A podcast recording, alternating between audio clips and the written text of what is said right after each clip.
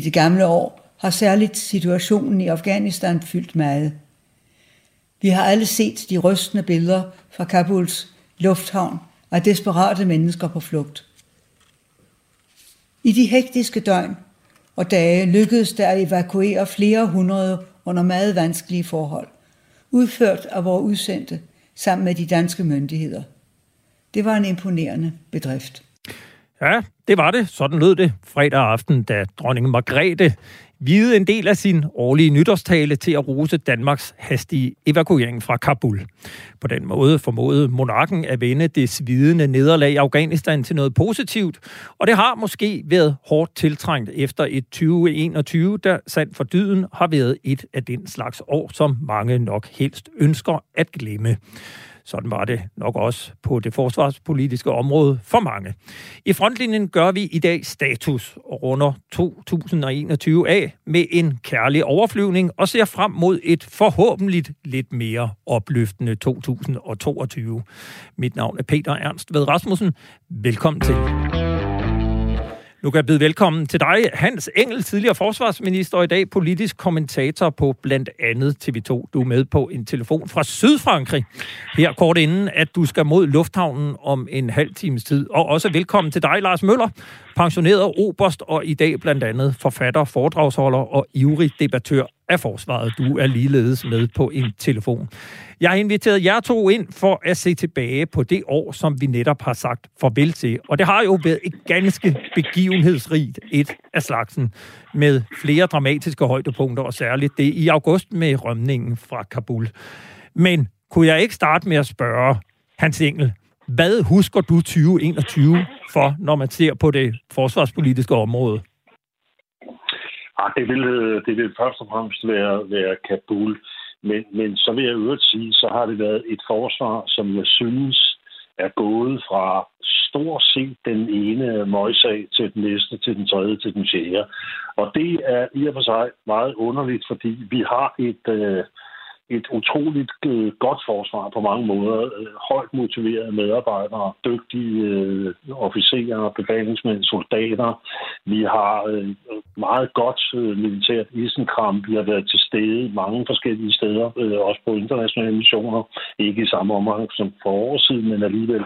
Og så alligevel, så det billede, der tegner sig, det er det er et forsvar, som øh, har samlet på møgsager, uanset om det har været på personel side, eller, eller det har været øh, sager, der knytter sig til ministeren, eller nu senest øh, Esbjørn Snare, der er ude på den der mission Impossible nærmest dernede i Guinea-bugten. Så altså, der er en voldsom modsætning mellem et, et, et forsvar, som på mange måder er er et meget, meget fint, øh, en meget fin organisation, og så det billede, der tegner sig udad til, hvor jeg vil tro, at rigtig mange danske vælgere og også politikere øh, synes, at meget af det, der foregår, det har de øh, svært ved at kunne følge. Lars Møller, når du ser tilbage på 2021, hvad, hvad tænker du så? Det samme som hent. Altså, øh, og, og, og det er jo egentlig utroligt, ikke? Problemet ved det her er jo i al sin enkelhed, at øh, hvis en fisk begynder at, at rådne, så rådner den for hovedet. Og med det siger du? Ja, men jeg, jeg siger jo, at øh, der er en del af de her møgsager, som ministeren ikke er skyld i. Det kan vi altid komme ind på.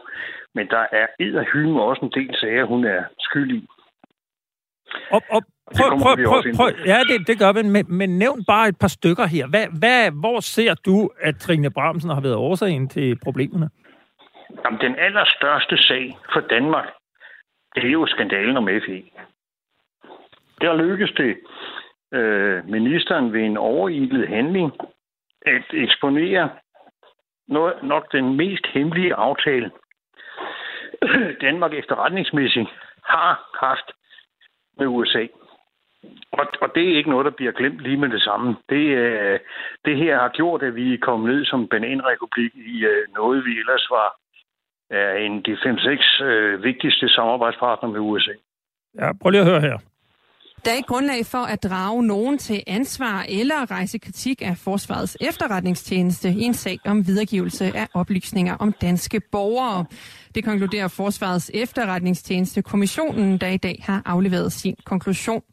Ja, det var en konklusion, der kom her i december, halvandet år efter, at Trine Bramsen hjemsendte fem ledende medarbejdere i FE som jo var beskyldt for nogle ganske alvorlige øh, sager. Hans Engel, deler du Lars Møllers øh, opfattelse af hele sagen om FE, at det er den alt overskyggende øh, værste sag i 2021? Ja, det, ja det, det tror jeg faktisk, jeg gør. Og det, men jeg siger det med et vist forbehold, fordi øh, der er jo rigtig meget i den sag øh, af helt indlysende grunde, som, som ingen af os kan kigge igennem. Og jeg vil vede på, at der har været en række forløb, som, som ikke er kendt, øh, eller kun er kendt af, af en lille kreds. Altså derfor ved vi heller ikke med fuldstændig sikkerhed, hvor meget har denne her sag øh, skadet os i forhold til vores øh, samarbejdspartnere øh, osv. Men, men altså, jeg synes også, at på den anden side, så må man også øh, starte et sted med denne her historie. Og den starter jo til synlædende ved, at der er nogle whistleblowers internt i systemet, som afleverer en række oplysninger, som betyder, at det tilsyn, der er med efterretningstjenesterne, som ledes af dommer Kistrup, de udsender en pressemeddelelse, som er jeg vil sige, jeg har aldrig set noget lignende. Altså dels fordi den var forfattet i et sprog og øh, en opstilling, som som statslige myndigheder, hvis man kan kalde tilsynet det, øh, normalt aldrig øh, bruger. Og der tror jeg, her, allerede her, der er vi i et af de første dunkle punkter, fordi jeg er fuldstændig sikker på, at der har været et forløb imellem Forsvarsministeriet, departementet, og så øh, tilsynet, efterretningstjenesten. Altså, jeg, jeg kan ikke forestille mig i min vildeste fantasi, at man bare i ministeriet har siddet og sagt, Nå, men nu har de altså tænkt sig at sende den her pressemeddelelse ud. Mm. Øh, det sker altså, og men da pressemeddelelsen så kommer ud, så må jeg så sige, så synes jeg også, at Trine Bramsen har været i en situation, hvor hun i virkeligheden ikke har kunnet gøre ret meget andet end det, hun gjorde. Jeg kunne altså, godt lige tænke mig at spørge dig, altså tidligere jeg, forsvarsminister Claus Hjort, han ja. siger, at hun kunne have håndteret det anderledes, og statsministeren skulle have været inde og sige, det her, det tager vi internt. Er du enig i, at den kunne have været håndteret anderledes med en statsministers involvering? Det øh, er jeg slet ikke sikker på, og øh, jeg må også sige, at i nogle af de her sager, der øh, er der ikke en øh, sådan kutume, selvom øh, statsministeren er formand for regeringens sikkerhedsudvalg, så har der været øh, sager, det kan jeg også på min egen ministertid, både som forsvars- og justitsminister med, med de to tjenester, der har der været, været sager, hvor man faktisk fra tjenesternes side synes, det kunne være en god idé, hvis en statsminister gik ind, og hvor jeg sagde, nej, det gør statsministeren ikke, fordi det beder jeg ham ikke om. Fordi altså, i samme øjeblik, du begynder at, at blande statsministeren ind i de her sager, så løfter du den også op på et niveau, hvor hvis noget går galt, så handler det ikke bare om en, om en lille mm. forsvars- mm. eller en lille justitsminister, så handler det om den selve regering. Og jeg synes ærligt talt, at Claus Ort med sine udtalelser, så var han jo i allerhøjeste grad med til at bruge flammekasteren i denne her sag. Altså han var jo ikke med til at gøre den mindre øh, dramatisk. Men hvad forestiller man sig, hvis et tilsyn melder ud, at der er foregået altså de mm. grove ting, eller mistanker om grove ting, grove øh, lovovertrædelser, øh, spionage mod egne medarbejdere og øh, ulovligt samarbejde osv. osv. Ja. Altså hvis man som minister sidder der, så har man jo ikke rigtig anden mulighed end at sige, her er vi nødt til at agere, her er vi nødt til at træffe nogle hurtige beslutninger. Vi, øh, vi, hvis det vi... skulle være håndteret anderledes, så havde det måske også krævet, at tilsynet havde håndteret den på den anden måde. Vi kommer til at tale lidt mere om FE, når vi skal tale om Afghanistan lidt senere øh, i programmet. Men øh, under alle omstændigheder kan man jo sige, at, at sagen er jo ikke slut, fordi der sidder i hvert fald en medarbejder varetægtsfængslet, formentlig for at have lægget fortrolige oplysninger. Der har været nogle redaktører på store medier, der er blevet lidt intimideret af øh, nogle F, en FE-chef og en PT-chef, der har været på, på rundtur. Og der er jo i hvert fald også politisk fokus på denne her sag, som, øh, som fortsætter ind i 2022, må vi gå ud fra. Jeg vil gerne lægge ud med, øh, når vi sådan ser på tematisk for øh, 2021 og kigger lidt tilbage. Sådan en af de større historier, som øh, vi måske ikke gjorde så meget ud af her på frontlinjen, men i november, der offentliggjorde Flemming Lind for, øh, at, at det nuværende forsvarsforlig ikke når i mål på en række punkter. Og udskydelserne af, eller nogle af det der, de dele, der blev udskudt, omfattede blandt andet oprettelsen af en tredje kampvognseskadron i Holstebro, der forventeligt forsinkes i et år. Det sker for at sikre en forsvarlig implementering af forsvarets nye opdaterede kampvogn Leopard 2A7. Og derudover har det ikke vist sig muligt at nå at få opført de bygninger, der skal huse henholdsvis 3. opklaringseskadron på Bornholm og 3 lette infanterikompani i Haderslev. Det har også vist sig, at det heller ikke har kunne lade sig gøre nu at opføre de nødvendige bygninger til de nye værksteder, og dermed forøgelsen af det nødvendige personel til C-130 transportflyene i Aalborg. Og så betyder manglen på luftværn, at første brigade ikke bliver klar, som vi ellers har lovet NATO. Udmeldingen kom efter, at flere officerer længere nede i systemet allerede tidligt havde advaret om urealistiske forventninger. I Berlingske i april sidste år fortalte brigadegeneral og daværende chef for 1. brigade, Henrik Lyne, citat, Vi har ikke en kampklar brigade 1. januar 2024. At opbygge en brigade er en mammutopgave. Alt materiel bliver skiftet ud i øjeblikket, fordi vi har slidt tingene ned under mange års indsættelse i internationale operationer operationer. Man fristes til at spørge, Lars Møller, du er jo gammel herreofficer, hvordan kan det gå så galt, at man ikke kan på seks år implementere øh, forliget på de dele, der handler om bygninger og, og personel og, og deslige? Jo, men det er faktisk ikke, øh, efter min mening, forsvarsminister Trine Bramsens skyld. Det er den organisation, hun arvede. Øh, fordi den organisation, man har strikket sammen i forsvaret, er formentlig den mest uhensigtsmæssige organisation, man kunne have tænkt sig. Og, og der skal øh, vi jo lige hjælpe lytterne og sige, at før i tiden, indtil 2013, 14 stykker, der havde forsvarschefen helhedsansvaret. Han havde ansvaret for materiel, økonomi, personel, bygninger.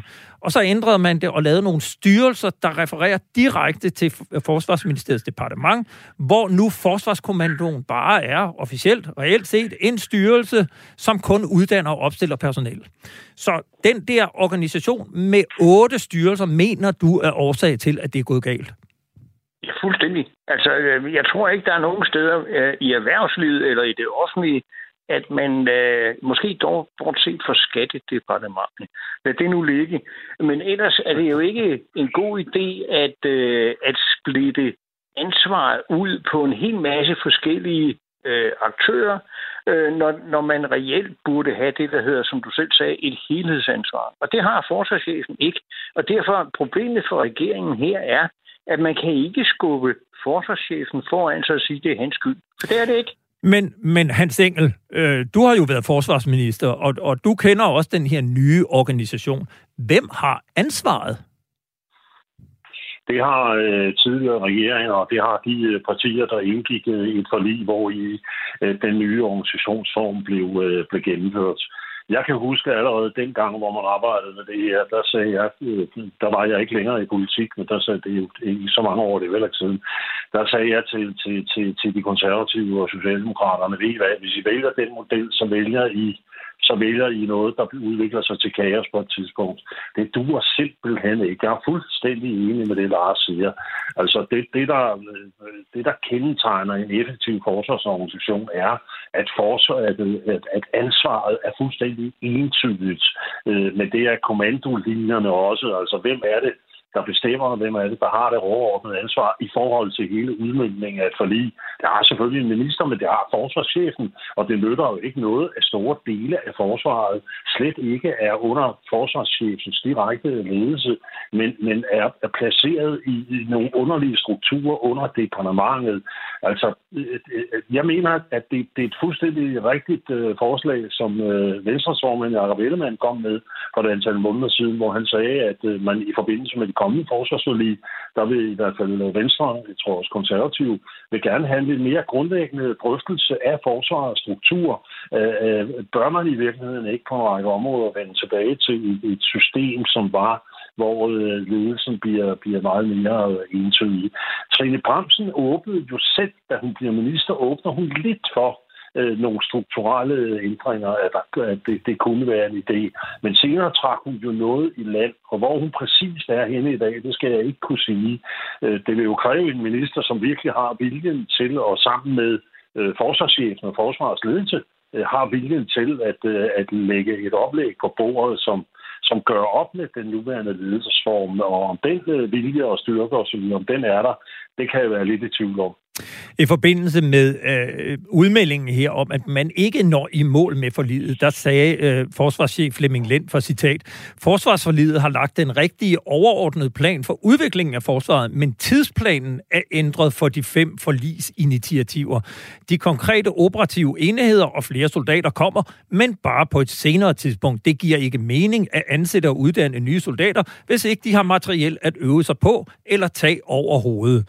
Lars Møller, har forsvarschefen trods alt ikke ret i det? Jo, fuldstændig. Øh, og, og igen, at øh, igen, tænk på, hvor nemt det ville have været, hvis det var forsvarschefens øh, ansvar. Øh, men det man gjorde, jeg sad jo selv i den der styringsgruppe, der skulle slå Forsvarsministeriet og Forsvarskommandoen sammen og, og lagde grund, øh, grundarbejdet til, til den her forfærdelige organisation, vi har nu.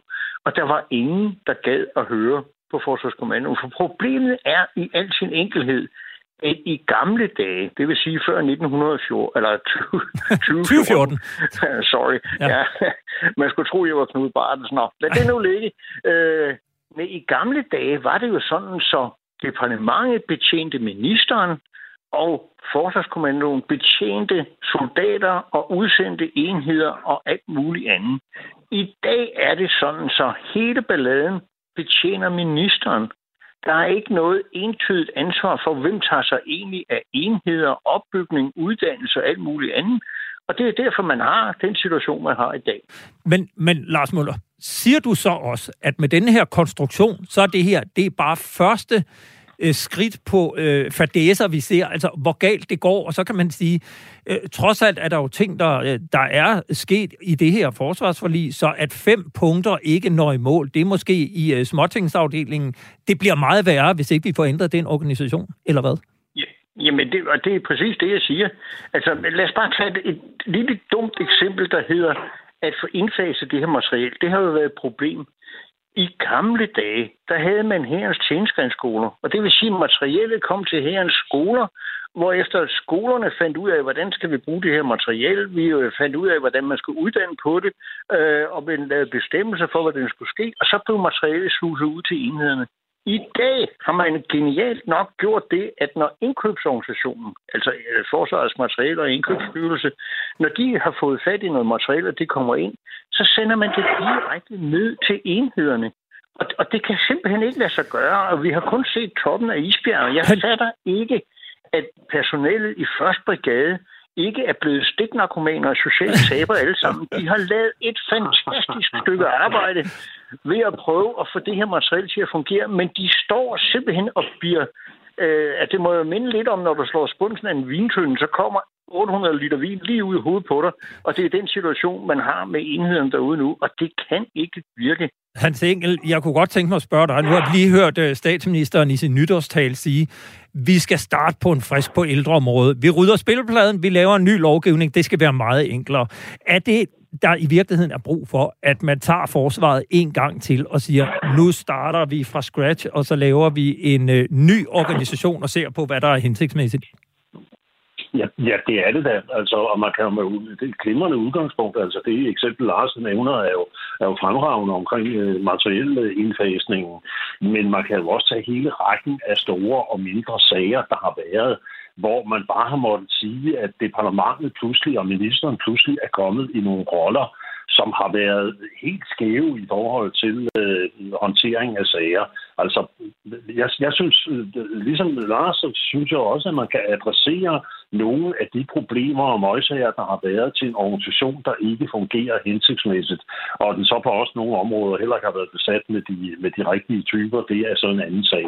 Grundlæggende bag ved det hele gemmer sig selvfølgelig også det forhold, at, øh, at der, og det er jo sådan et klassisk dansk forsvarspolitisk forlisproblem, som formentlig har været gældende helt tilbage fra man lavede de første forlig i 1960'erne, nemlig det problem, at der har været manglende overensstemmelse mellem de ressourcer, der bevilges til forsvaret, og så øh, målsætningerne i de forlig, som man vedtager. Og det er jo helt klart omkring øh, brigaden, Altså, at, at man er så langt bagefter, og det, at det slæber på den måde. Og vi jo altså også her for nogle uger siden kunne konstatere, at forsvaret havde en manko, hvor var det på en milliard. Eller, en milliard de næste milliard, to år, ja. En milliard over de næste, næste par år, ikke? Det viser jo også et eller andet sted, at man har lavet et forlig, hvor der overhovedet ikke har været ressourcerne. Mm. Og, og der, der, der når man jo også til på et punkt, hvor man må sige, nu bliver vi nødt til at starte lidt mere fundamentalt, og ikke bare lave sådan et, et mini-forlig med lidt små reparationer her og der, og bevilge lidt flere penge. Fordi øh, mange af de problemsager, der har været, knytter sig til nogle mere fundamentale problemer i forsvaret. Du lytter i øjeblikket til frontlinjen her på Radio 4. Mit navn er Peter Ernst ved Rasmussen, og vi ser i dag tilbage på et særdeles begivenhedsrigt år på forsvarsområdet. Med mig har jeg tidligere forsvarsminister Hans Engel, i dag politisk kommentator, og jeg har også den pensionerede oberst Lars Møller, i dag forfatter og ivrig debattør. Vi skal tale lidt om forsvarsminister Trine Bramsen. I Berlingske måler Analyseinstituttet Gallup løbende, hvor godt befolkningen mener, at de enkelte af regeringens ministre klarer sig. I december 2020 Altså for lidt over et år siden, der lå forsvarsminister Trine Bramsen i en bred midtergruppe sammen med otte andre ministre. I sommer, i juli 2021, der var hun faldet til en næstsidste plads blandt regeringens 20 ministre, kun undergået af den udskældte kulturminister Joy Mogensen, der siden har sagt op og nu ikke er i politik mere. I målingen, som Berlingske offentliggjorde ved årsskiftet, der var Trine Bramsen nu med afstand den minister, som i befolkningens øjne klarer sig allerdårligst. Er billedet af Trine Bramsen fair, eller er Trine Bramsen bare en misforstået minister? Hvad siger du, Lars Møller? Jeg synes faktisk ikke, billedet er helt fair, fordi som jeg lige øh, har været inde på, så har hun altså arvet, øh, og hun har ikke arvet et faditbo forstå på den måde, at meget, meget af den struktur, vi har, som Hans også var inde på, det, det, det virker skide godt, og ude ved enhederne, de, de kan deres kram, hvis de ellers får lov til at uddanne sig og sådan nogle ting. Men hun er ramt af, øh, at hun har arvet noget, der ikke virker. Og så kan man sgu ikke øh, kritisere hende for, at der går op i ged. Så har hun et andet problem, og det problem er hende selv. Fordi det er jo sådan, så loyalitet vinder to veje. Man, man kan forlange, at sin organisation er lojal, men så skal man også være lojal over for organisationen. Og der har hun misforstået øh, sin rolle, fordi hun tror, at ved at lægge låg på alle former for forslag, idéer, øh, også kritik, så tror hun, at så lukker det bare, og så er det sådan. Og sådan virker det jo ikke. For det, og det ved du jo selv, Peter. Øh, i, det, I det øjeblik, man lægger låg på, skal vi sige, de officielle muligheder for at komme med kritik og forslag, når der bliver lavet låg på det, hvad gør man så? Så går man til pressen. Og det er jo, derfor er det her øh, også noget, hun skulle starte med at kigge sig selv ind i spejlet, og så sige, kan vide, om jeg ikke skal prøve at lægge stilen om. For det tror jeg stadigvæk, hun kan. Jeg kan jo ikke lade være med at øh, tænke på øh, det, der skete for ret præcist et år siden, hvor jeg selv interviewede Trine Bramsen, og hvor, hvor det jo afstedkom et, øh, et, et længere forløb om, hvem man skulle kalde forsvarschefen. Altså hvis man kigger på, hvad er de formelle øh, øh rammer, så er øh, forsvaret det er en styrelse under Forsvarsministeriet, og forsvarschefen er dermed styrelseschef. Når, når man så, det, det var jo forsvarsminister Trine Bramsen her, der insisterede på at kalde Flemming Lind for, for en styrelseschef. Det, det affødte jo en hæftig debat. Flere samråd i Folketinget, organisationerne, de faglige organisationer kom på barrikaderne og sagde, det går ikke. Hans Engel, hvor, hvor meget har sådan en i virkeligheden lille detalje, som om man kalder forsvarschefen for en forsvarschef eller styrelseschef, haft indflydelse på den tillid og opbakning, som Trine Bramsen nyder, eller rettere måske ikke nyder, blandt soldater og den organisation, som hun står i spidsen for? Den har haft øh, kæmpe stor betydning, og man kan sige, i, i virkeligheden øh, på et på, på et lidt skævt grundlag, fordi altså, jeg oplevede, da Trine Bramsen sagde det, hun sagde, jeg hørte det øh, der lige fra starten. Øh, da hun sagde det, hun sagde, der oplevede det meget på den måde, at her, der, der, der synger hun med samme næb som sin statsminister. Altså Mette Frederiksen har jo fra starten ligesom lagt vægt på, at nu er det politikerne, der skal bestemme, det er ikke embedsmændene. Nu øh, skal Danmark styres af politikere, som har klare politiske målsætninger, det skal ikke være departementchefer og styrelseschefer og hvad vi har, som, øh, som ligesom tegner det og lægger, lægger linjerne. Altså politikerne skal stå for politikken, og så skal embedsværket sørge for at udmønte det. Og på en eller anden måde har, har Trine Bramsen taget det ned på en måde, hvor hun gerne vil fastslå, at det er altså hende, der er øverste chef på det danske forsvar, og, og så videre. Og der siger hun jo helt forbi det, at forsvaret ikke kan sammenlignes med nogen andre Øh, myndigheder øh, i landet. Jeg vil sige, øh, knap nok med, med politiet, altså, og især ikke i dag, altså Rigspolitichefen har ikke den samme placering i politiet. Det derhen af, men ikke den samme placering, som forsvarschefen har i forsvaret. Og det er sådan en mangel på forståelse for, for, forståelse for forsvarets kultur og historie og identitet og betydningen af, at forsvarschefen altså er Øh, den, den, den øverste militære leder. Det er, det er regeringens hovedrådgiver på det forsvarspolitiske område osv. Så, så altså, jeg tror simpelthen, den rammer fuldstændig skævt ind i et system, hvor enhver, som har været soldat, om det så har været øh, menig maskingeværskytte som jeg selv, eller oberster og chef for Lams Møller, eller du har været general og admiral osv., så, videre, så ligger det i ryggraden, at, at forsvaret altså er bygget op på, øh, på et system, hvor forsvarschefen han er han er den øverste i det her system. Øh, og det, det er som om, det har, det har Trine Bremsen ikke, det har hun slet ikke fået ind øh, bag huden. Og hvis man ikke har det, så får man et meget, meget svært liv i forsvaret, fordi det nu er den organisation, det er. For mange var øh, valget af Trine Bramsen som forsvarsminister øh, minister nok en, en overraskelse, da Mette Frederiksen som statsminister i 2019 dannede sin regering. Men nu er hun jo ikke ny længere. Hun har snart siddet i et par år. Har hun formået at sætte en retning for forsvaret? Altså er hun kommet med en vision for, hvad hun vil, Lars Møller? Nej, og, og igen, jeg synes det egentlig er så synd, fordi jeg kan godt huske, at hun kom, hvor hun øh, øh kom med nogle programerklæringer, hun ville ind kigge på organisationen, og hun ville øh, gøre det ene og det andet, øh, som, vi, som vi jo lige har blevet nævnt her. Og der tænkte jeg nemlig, at det kan godt være, at det var en god idé at få en, en person, der kommer ind ud fra gaden af og kigger på det med friske øjne.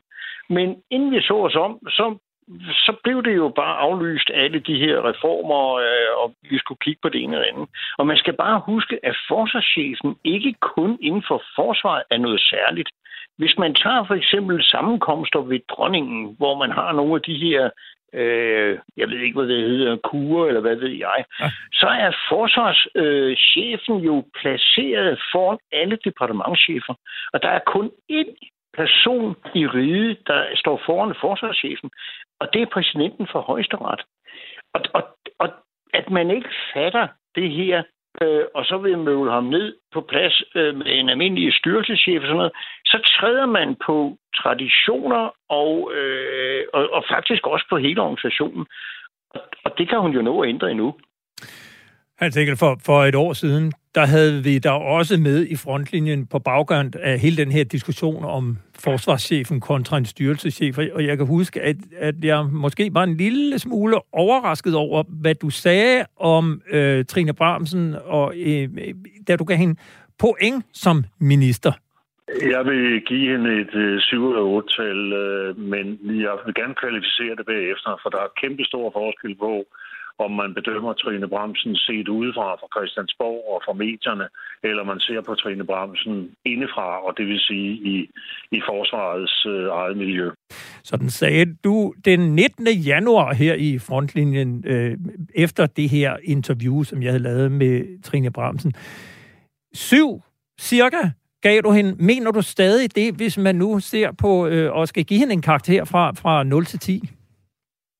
Nej, øh, det gør jeg ikke. Altså, jeg synes, at, øh, at øh, nogle af de punkter, hvor man godt kunne have taget fat, altså når vi taler hele forsvarets øh, kommunikationspolitik, hele forholdet til offentligheden, den måde, hvorpå man øh, nøder øh, medierne osv., det synes jeg slet ikke er blevet bragt til at fungere øh, godt nok. Der er en lukkethed og besværligheder øh, tydeligvis øh, for alle. De får en sms eller noget, men man kan Altså, det, det, det duer ikke. Og så er der jo sket det også i mellemtiden, at Folketinget, Folketingets forsvarsudvalg har jo gået til Trine Bremsen nu til et tydeligvis et mobbeoffer, altså de er efter hende.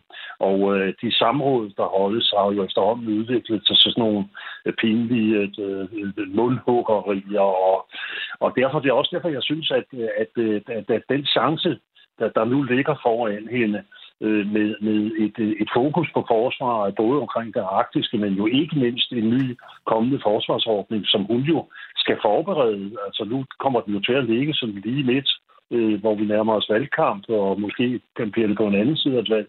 Så det kan være, at det bliver en helt anden, der kommer til at skulle stå på det. Men altså tilbage er, selve hele optakten til en kommende forsvarsordning vil jo ligge i hendes hænder. Og der synes jeg, at, øh, at der er der en chance for hende til at kunne øh, at køre noget igennem. Altså det, det vil blive hendes svendestykke, det er, hvordan bliver optakten til et forlig? Kan hun samle partierne, og begynder det at ligne noget, som er fornuftigt? Og så skal vi lige huske på, at forsvaret er i den med lidt speciel situation, at hvor man i mange år jo øh, fra skiftende regeringer, både borgerlige og socialdemokratiske regeringer, gerne ville klippe en øh, eller åbent tog, eller også det omvendt, øh, så er der jo faktisk i dag en vilje til at ofre mere på forsvaret. Mm. Altså det har Mette Frederiksen klart sagt, at hun ser flere bevillinger til forsvaret i en ny aftale.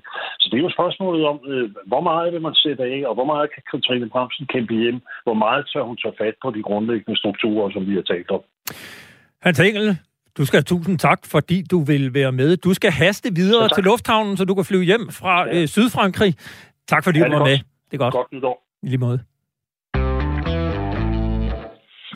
Afghanistan må ikke igen blive et fristed for terrorister.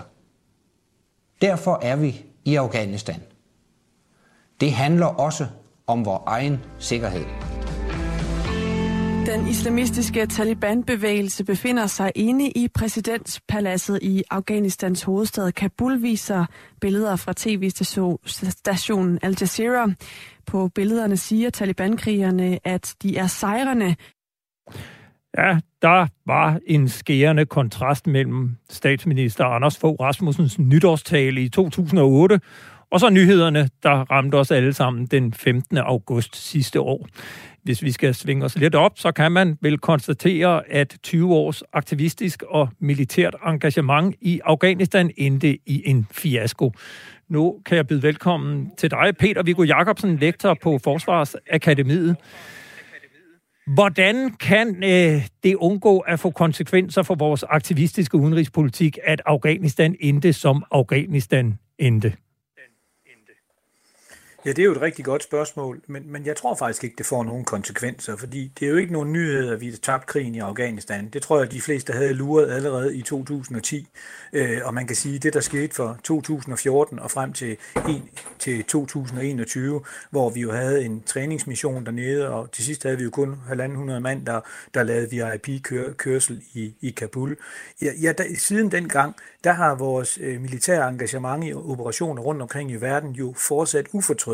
Og det er jo ikke kun i Afghanistan, at vi har tabt. Vi tabte også i Libyen. Øh, vi har sådan set også tabt i Mali. Hvis vi kigger på, hvad, hvad der sker i Mali i øjeblikket, der har været militærkup øh, udført af folk, der blandt andet er blevet trænet af Danmark. Så vi er jo gået fra, han har sagt, nederlag til nederlag. Men det har jo ikke øh, forhindret os i at blive ved med at stille op hver eneste gang telefonen ringede. Øh, og nu er det ikke længere amerikanerne og NATO, vi siger ja til. Nu siger vi også ja til franskmændene. Og for nyligt i, øh, i, i sidste år, der tog vi så også på en solomission til øh, altså Guinea-bugten, hvor vi sejler rundt med nogle pirater nu i lasten. Så det er jo ikke sådan, at politikerne, fordi det er gået af pommerne til rent strategisk, har holdt op med at bruge det militære instrument. Nej, de bruger alt det militære, de overhovedet kan skrabe sammen, hver eneste gang, der byder sig en lejlighed til at gøre det. Øh, kan man spørge, om man overhovedet ikke har lært af sine fejltagelser?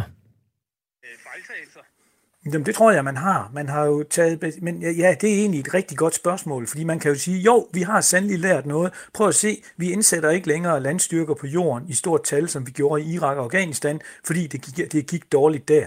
Men, men grunden til, at vi gør det, ikke gør det længere, det er jo fordi, at USA og NATO ikke gør det længere. Vi følger jo stadigvæk vores allierede i tygt og tyndt, og så har vi godt nok i stigende grad begyndt at, at prøve at designe vores styrkeindsættelser, så, det, så risikoen for det indsatte personel er betydeligt mindre, end det var i både Irak og Afghanistan. Men bortset fra det, så kører maskinen uh, uantastet videre. Og det hænger jo nok sammen med, at det ikke er så meget det, der sker i missionsområderne, der styrer den danske såkaldte aktivisme. Nej, det er den efterspørgsel på styrkebidrag, som NATO, Frankrig og USA øh, hvad det hedder, stiller. Og så længe de bliver ved med at ringe til Danmark og bede om styrkebidrag, så stiller vi op, fordi den primære grund til, at vi gør det, det er, at vi gerne vil tækkes de vigtige allierede, som i sidste instant øh, garanterer dansk sikkerhed. Er du enig, Lars Møller? Altså, hvad er lægerne af Afghanistan?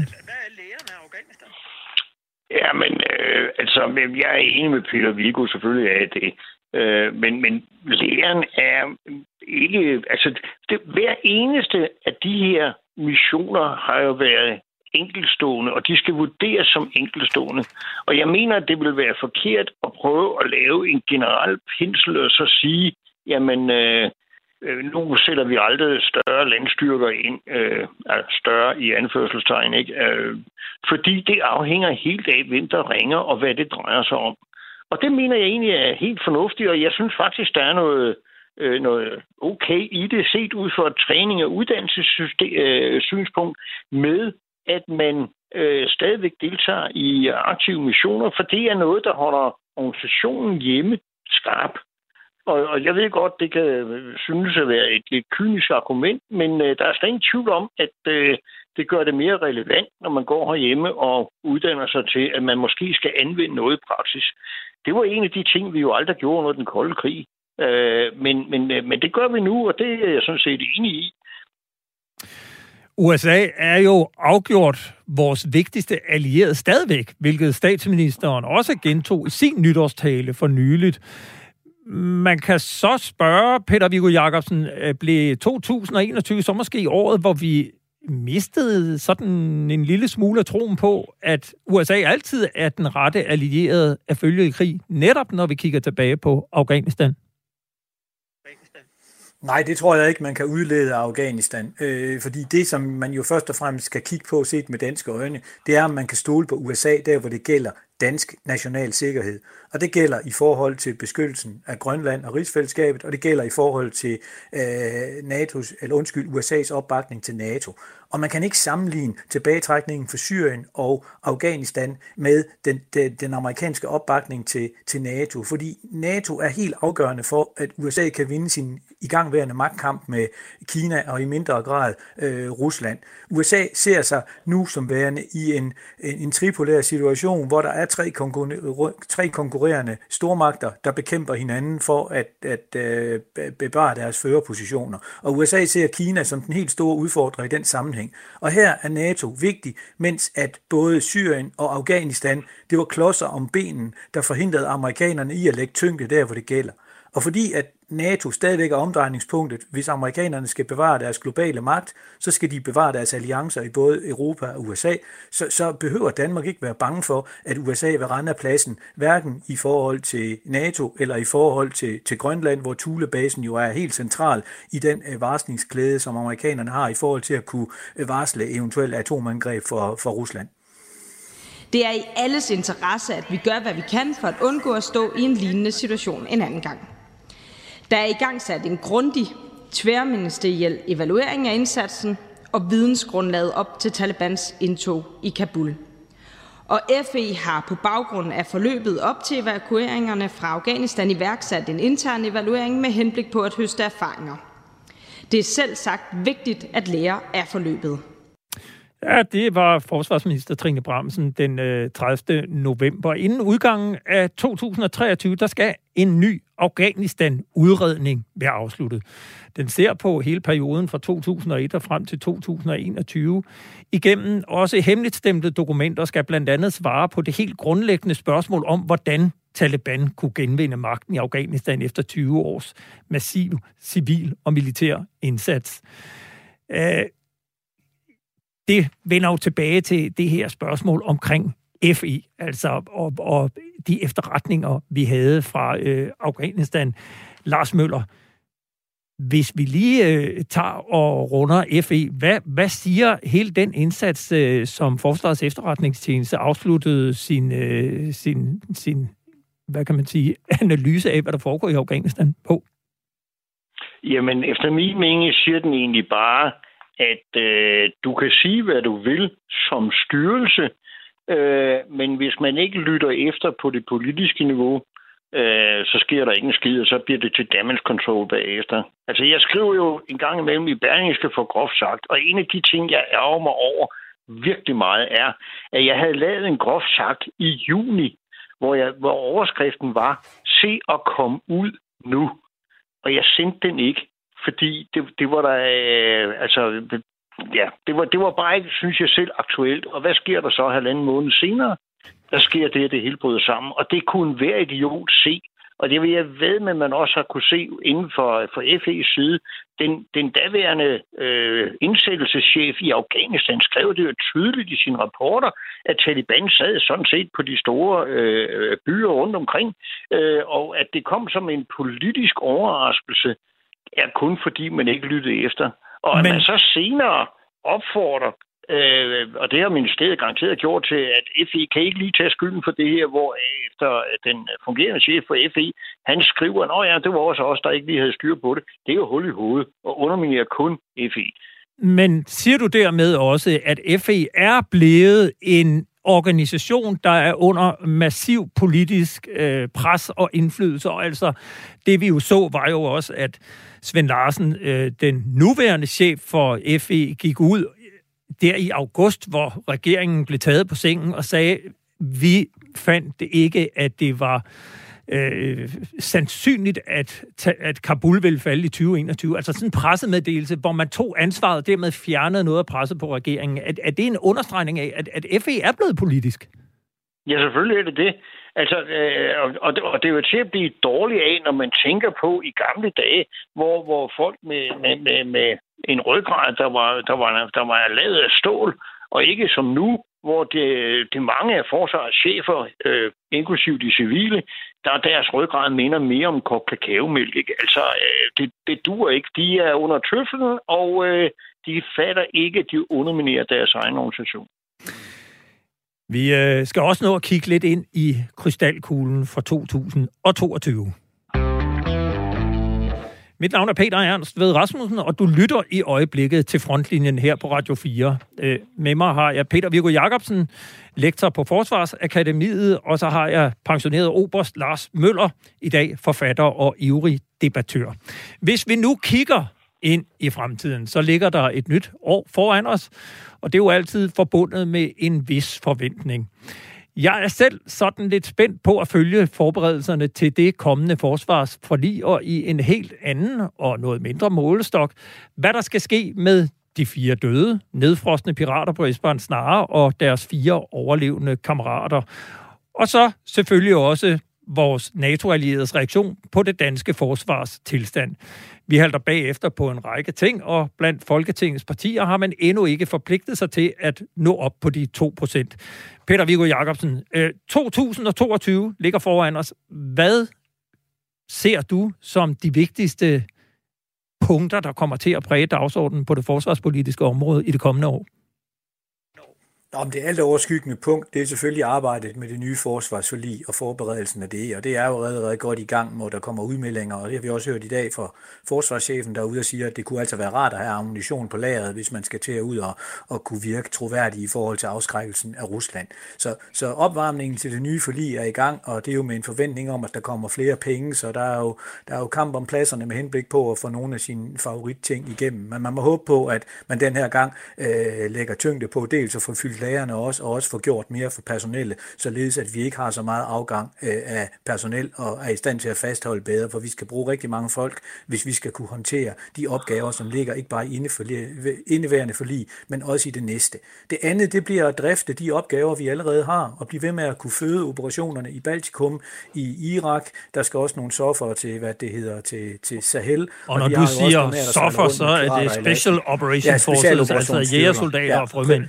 Ja, Ja, præcis. Så vi har faktisk, altså vi er allerede makset fuldt ud i forhold til de opgaver, som forsvaret har, og som øh, ligger klar. Og det store og spændende bliver jo så, er der nogen, der ringer uventet, ringer amerikanerne, franskmændene, britterne, og pludselig beder om et eller andet, og føler politikerne så igen et behov for at kompensere for, at de ikke bruger 2%, og så kommer det til at gå ud over en eller anden stakkels enhed, der bliver makset ud, fordi man igen føler behov for at kompensere for, at man ikke har opfyldt det, man har, har, har indvildet i at gøre i NATO. Jeg, så, jeg ser egentlig bare det nye år som et fortsættelse af de øh, ting, vi har set i forsvaret i de senere år. Nu taler vi jo så lidt med Lars Møller og øh, Hans Engel om, øh, om den her måde, forsvaret er organiseret på. Tror du, at hele øh, organiseringen af forsvarsministeriets område bliver en del af et kommende forsvarsforlig? Man kan i hvert fald sige, at det burde det jo nok gøre, fordi der har været en del organisatoriske problemer med, at man har øh, fået skabt en ret uklar øh, ansvarsfordeling imellem de mange forskellige styrelser i forsvaret, og det er ikke ringere den helhedsforståelse, der var engang. Det kunne man godt kigge på, men jeg tvivler på, at politikerne er villige til det, når det kommer til stykket. Så mit gæt vil være, at men der hvorfor ikke er det noget, ikke og der det? sidder i hvert fald nogen i fordi de har begrænset indsigt i det, og fordi de så derfor også vil lytte ved nogle af de råd, der for eksempel kommer fra øh, Forsvar, Forsvarsministeriets departementchef. Og jeg tror egentlig, at, at, at den pågældende er godt tilfreds med den nyværende organisation. Det er jo ikke nogen hemmelighed, at den gamle, den organisation, vi har i dag, udsprang af en magtkamp imellem Forsvarskommandoen og departementet, som departementet vandt.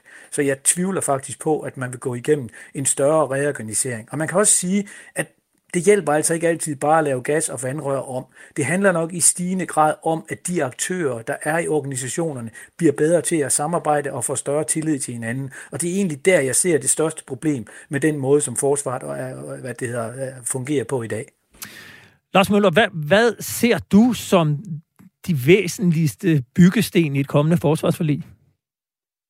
Jamen altså, i, i min naivitet, der tror jeg og mener helt klart, at hvis man ikke får lavet den her organisation om, så vil vi bare blive ved med at se en helvedes masse piklerier og småting, der ikke virker, og, øh, og, og der er ikke nogen, der har ansvaret, og, og, og hælde penge ned i det, det er da en udmærket ting, men det kommer aldrig til at fungere. På et tidspunkt, der var jeg lektor op i ved Aalborg Universitet, og der snakkede jeg med ham, professoren, der sidder på organisation, og han, han ville lige have forklaret, hvordan den nye organisation af forsvaret, øh, den, den så ud.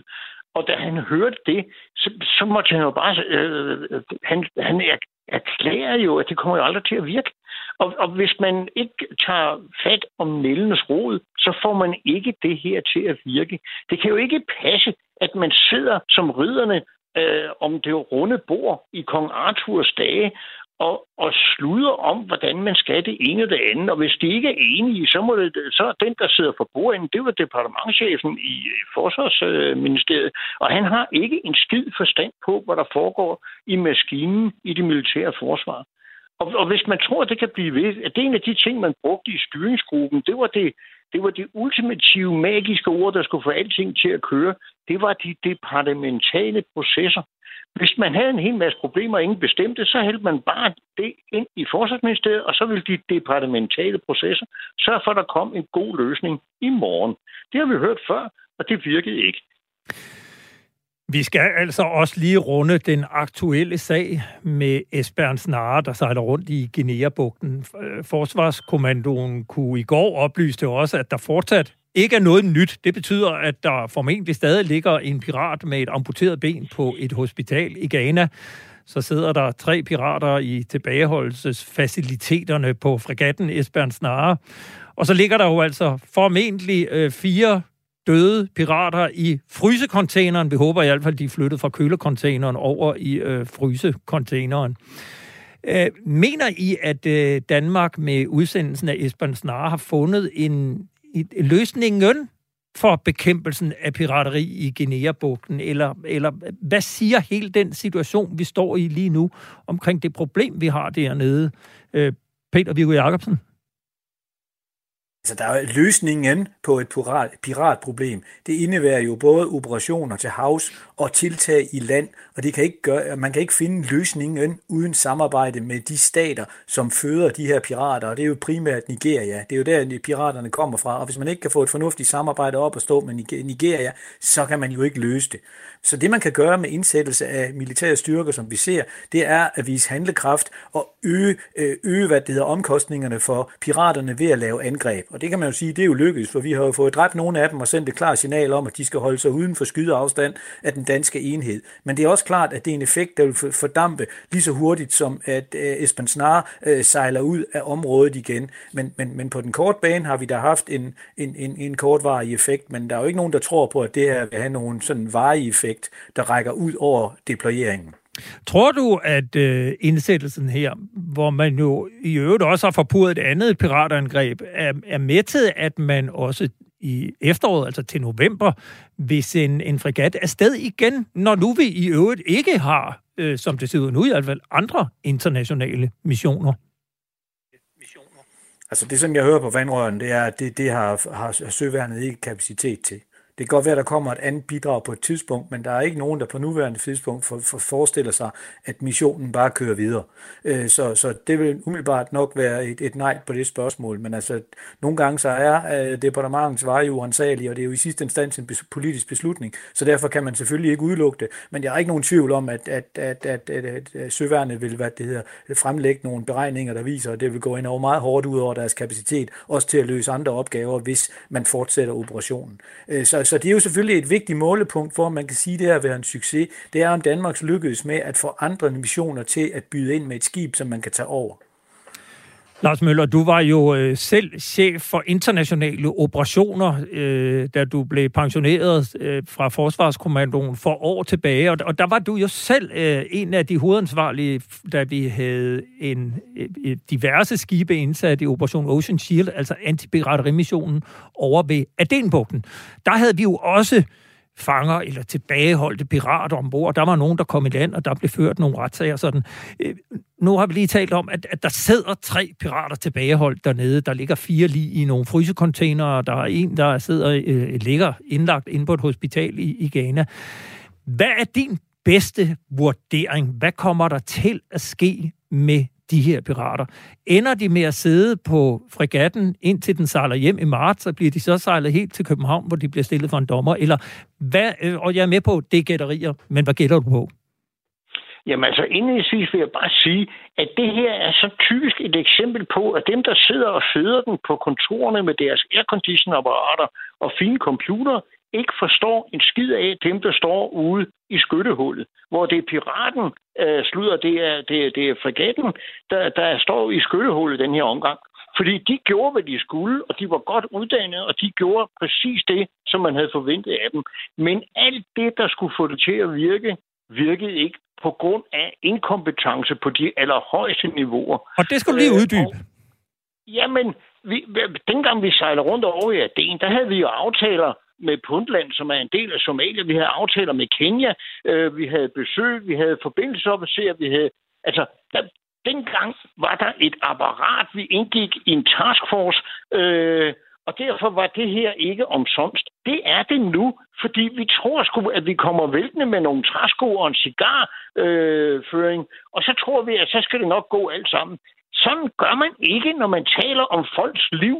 Øh, og det er jo danske søfondsliv, man sætter på spil på den her måde. Og det er jo helt vanvittigt, man troede, man skulle lave en afskrækkelsesoperation til piraterne.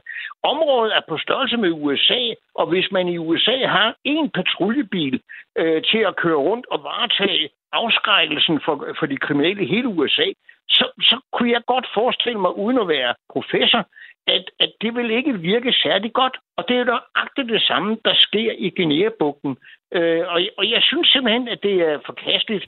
Jeg tror, og nu gætter jeg, jeg tror, at øh, der er to muligheder. Den ene mulighed er, at man diskret finder en gummibåd og sætter de tre overlevende i, og så øh, ham der i Ghana, der ligger øh, uden sit ene ben, øh, der, der prøver, forsøger man sådan et eller andet, og så, så skal det nok gå alt sammen. Men den tror jeg ikke, de slipper afsted med. Øh, Nigeria vil jo gerne retsforfølge de her, men der har vi jo nogle idéer om, at det skal ske øh, øh, på hotellignende standard øh, i fængslerne, og at øh, de ikke må idømmes dødstraf. Det bliver nok lidt af et problem at overtale Nigeria til det. Øh, så jeg tror på, at øh, de skulle nok ender med at tage hjem til stor råben og skrigen, så kan vi have den gående herhjemme, og ikke kan komme af med dem igen. Og så har vi øh, virkelig fået noget ud af den mission. Vi når ikke øh, mere i denne nytårsudgave, hvor vi så lidt tilbage på 2021. Øh, Jeg vil sige tak til dig, Lars Møller, pensioneret oberst, fordi du var med, og tak til dig, Peter Viggo Jacobsen, lektor på Forsvarsakademiet. Forsvarsakademiet. Selv tak, og godt nytår. Ja, og i lige... Ja, godt nytår herfra. og i lige måde.